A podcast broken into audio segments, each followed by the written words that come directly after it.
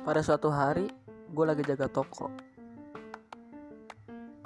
Terus tiba-tiba ada seorang cewek datang. Ternyata cinta Laura. Terus dia bilang halo mas. Iya mbak kata gue ah, maaf di sini jual kucing. Hah? mbak apa? Maaf iya di sini ada kucing anggora aduh mbak maaf di sini nggak jual kucing anggora oke okay, fine. Kalau kucing Persia. Aduh maaf di sini nggak ada juga kucing Persia. Hmm oke okay, fine. Kalau kucing kampung.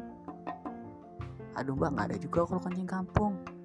Soalnya di sini nggak jual kucing. Hah why sih? Kok nggak jual kucing? Itu di luar tulisannya toko cat. Gue bingung. Terus gue jawab itu bukan toko cat mbak. Tulisannya tapi toko cat